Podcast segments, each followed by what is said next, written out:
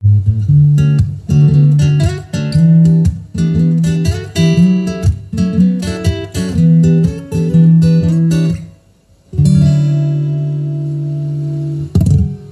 ketemu lagi di Relatif Perspektif Podcast bersama saya, Dr. Syara Putri Sundawa.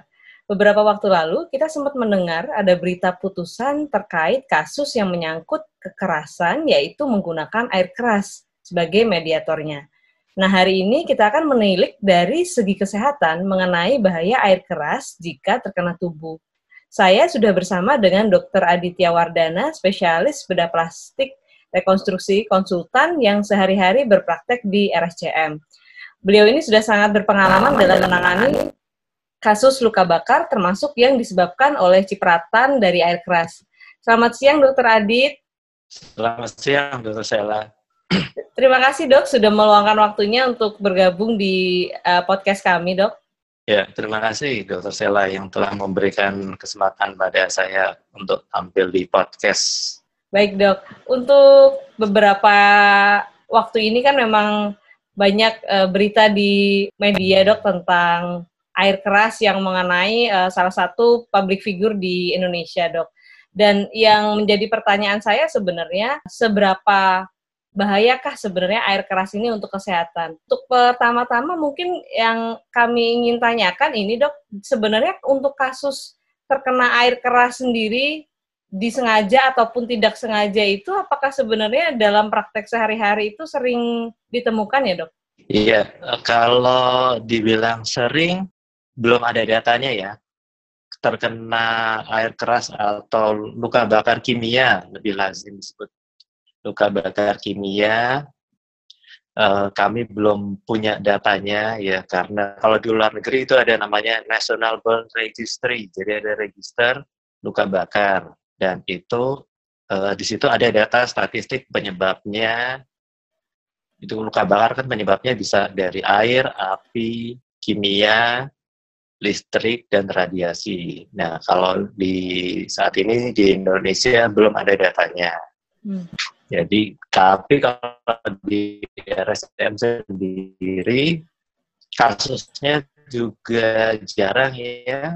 Akhir-akhir ini jadi sebulan itu juga belum tentu ada satu. Tapi ya ada kasusnya ada. Kena api panas ataupun listrik. Kimia ini saat ini jarang. Jadi sebenarnya dibandingkan dengan yang lain eh, terkena bahan kimia ini lebih jarang dok ya eh, penyebab luka bakarnya iya itu sejauh uh, registrasi pasien yang masuk ke RCM. Iya, baik dok. Kalau yang disebut dengan uh, luka bakar yang terkena bahan kimia atau yang salah satunya disebabkan air keras sendiri, sebenarnya apa saja sih dok bahan bahan-bahan kimia yang bisa menyebabkan terjadinya luka bakar? Ya, uh, luka bakar kimia itu ada yang bersifat asam sama basa. Ini dua golongan besar. Terus nanti ada lagi yang senyawa aromatik. Senyawa aromatik itu contohnya bensin, Nanti ada lagi uh, aspal atau bitumen. Ada lagi namanya zat fosfor, tapi dalam keseharian ya namanya bakar kimia itu dibagi dua golongan besar, asam dan basa. Uh, dan uh, untuk air keras yang sering mengenai tubuh itu dok biasanya itu zatnya termasuk asam atau basa ya dok? Kalau dari data yang masuk di RSCM ini seringnya asam sulfat karena untuk ini aki untuk oh, ngisi okay. air aki motor mobil kan itu kadang-kadang bisa dibeli di bengkel-bengkel ya mm -hmm. air aki jadi kebanyakan ya otomatis barang yang mudah didapat yaitu itu satu H2SO4 atau asam sulfat. Terus satu lagi yang sering dipakai di industri rumah tangga untuk pembersih biasanya soda api itu uh, atau deterjen, tapi itu biasanya jarang. Tapi laporan-laporan yang masuk tuh yang paling gampang di um, uh, yang paling banyak itu justru asam sulfat. Asam sulfat ya dok, baik. Hmm.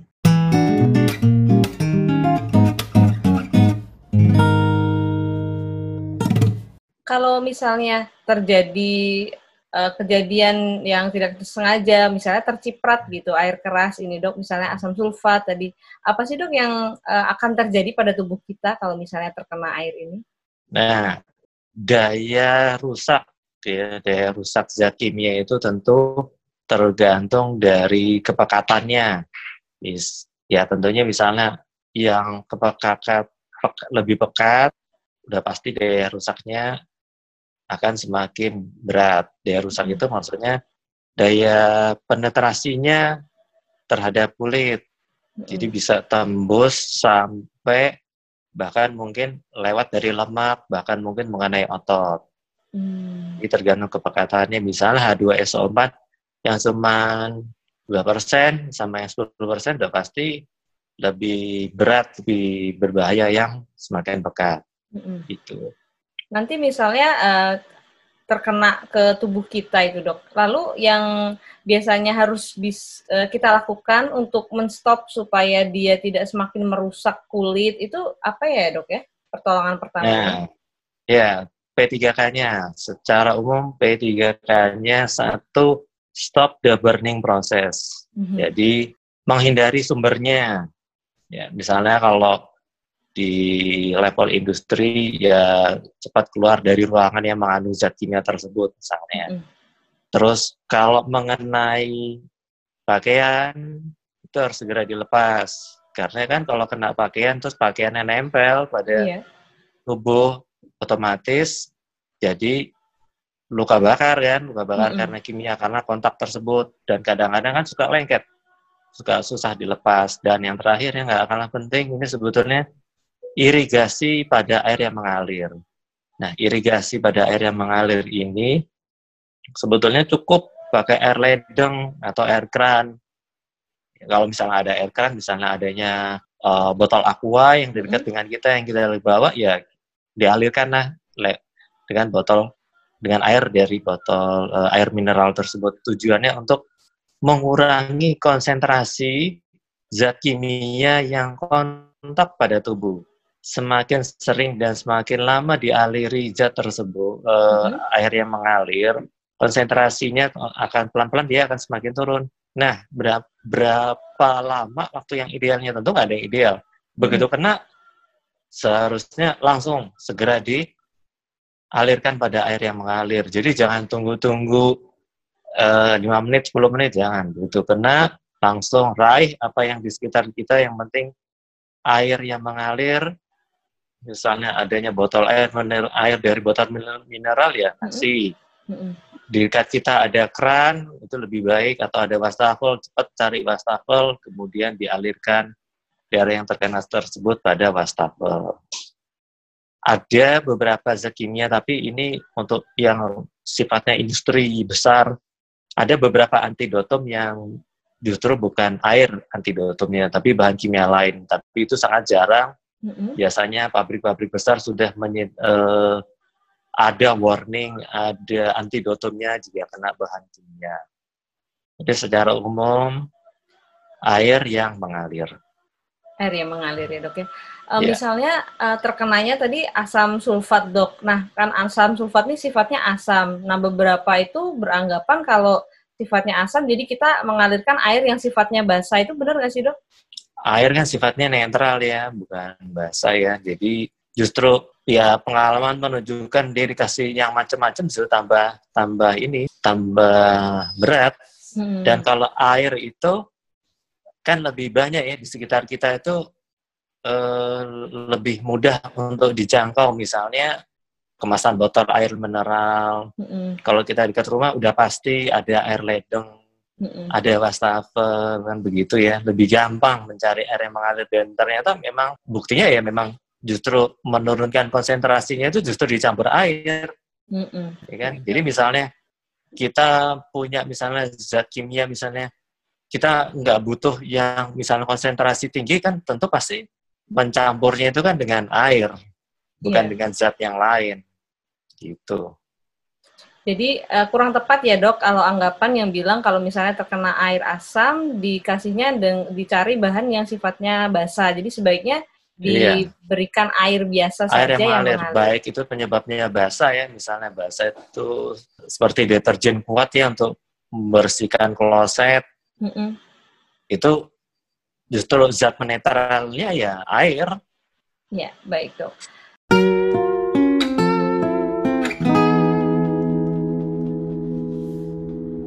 Misalnya pada akhirnya tadi sudah diberikan pertolongan pertama, diberikan air, sudah keluar dari eh, tempat yang terpapar, kemudian eh, kain yang menutupi bagian kulitnya sudah dibuka.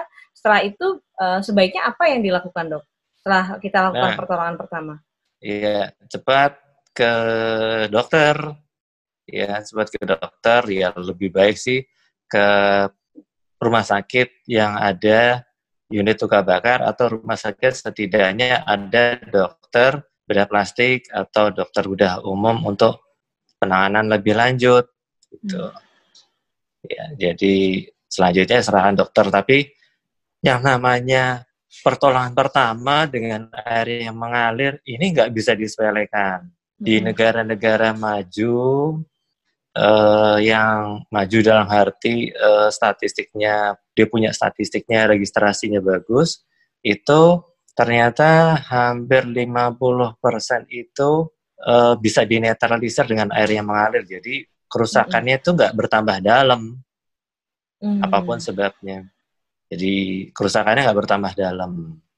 Itu justru kalau dari Australia itu ada namanya irrigation on tap water 20 minutes itu eh, tagline seperti itu disebarluaskan di mana-mana lah. Di Mm-mm. tiap rumah sakit apa eh, apalagi yang university based gitu misalnya Royal Children's Hospital itu ada.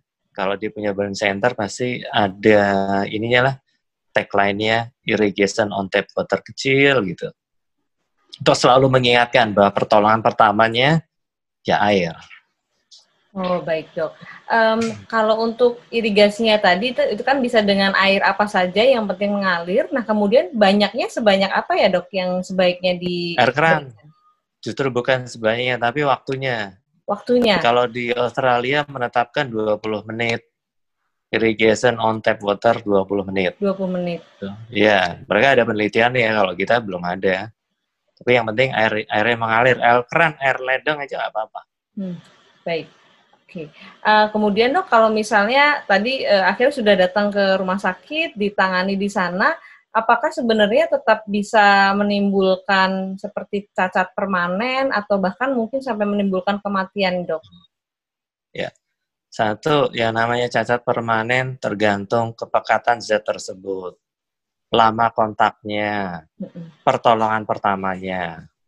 Kalau urusannya mortalitas, artinya semakin luas, otomatis mortalitas semakin tinggi. Misalnya luka bakar, entah kimia atau apa pun sebabnya, antara 10% versus 50%, tentunya 50% mortalitas pasti lebih tinggi. Gitu. Itu kalau bicara mortalitas tadi yang bicara kecacatan, morbiditas ya otomatis ya itu tadi kepekatannya semakin pekat dia Mm. rusak semakin hebat. Eh, lama kontak, semakin kontaknya lama, otomatis daya penetrasinya semakin dalam. Mm-mm. P3K, jangan sampai salah kasih P3K. Gitu. Biasanya kalau orang yang terkena tadi dok eh, luka bakar karena kimia tadi biasanya tindakan medis apa sih dok yang dikerjakan ketika sudah sampai di rumah sakit itu dok? Secara umum, luka bakar itu ada yang dangkal dan dalam. Kalau yang dangkal bisa konservatif. Kalau yang dalam harus operatif atau debris depan. Itu. Jadi ya nanti dilihat dalam atau dangkal, gradingnya. Kira-kira gambaran umumnya seperti itu. Jadi tergantung lagi separah apa dok ya dari lukanya. Jadi tidak sama semuanya Iya. dok ya. Ya.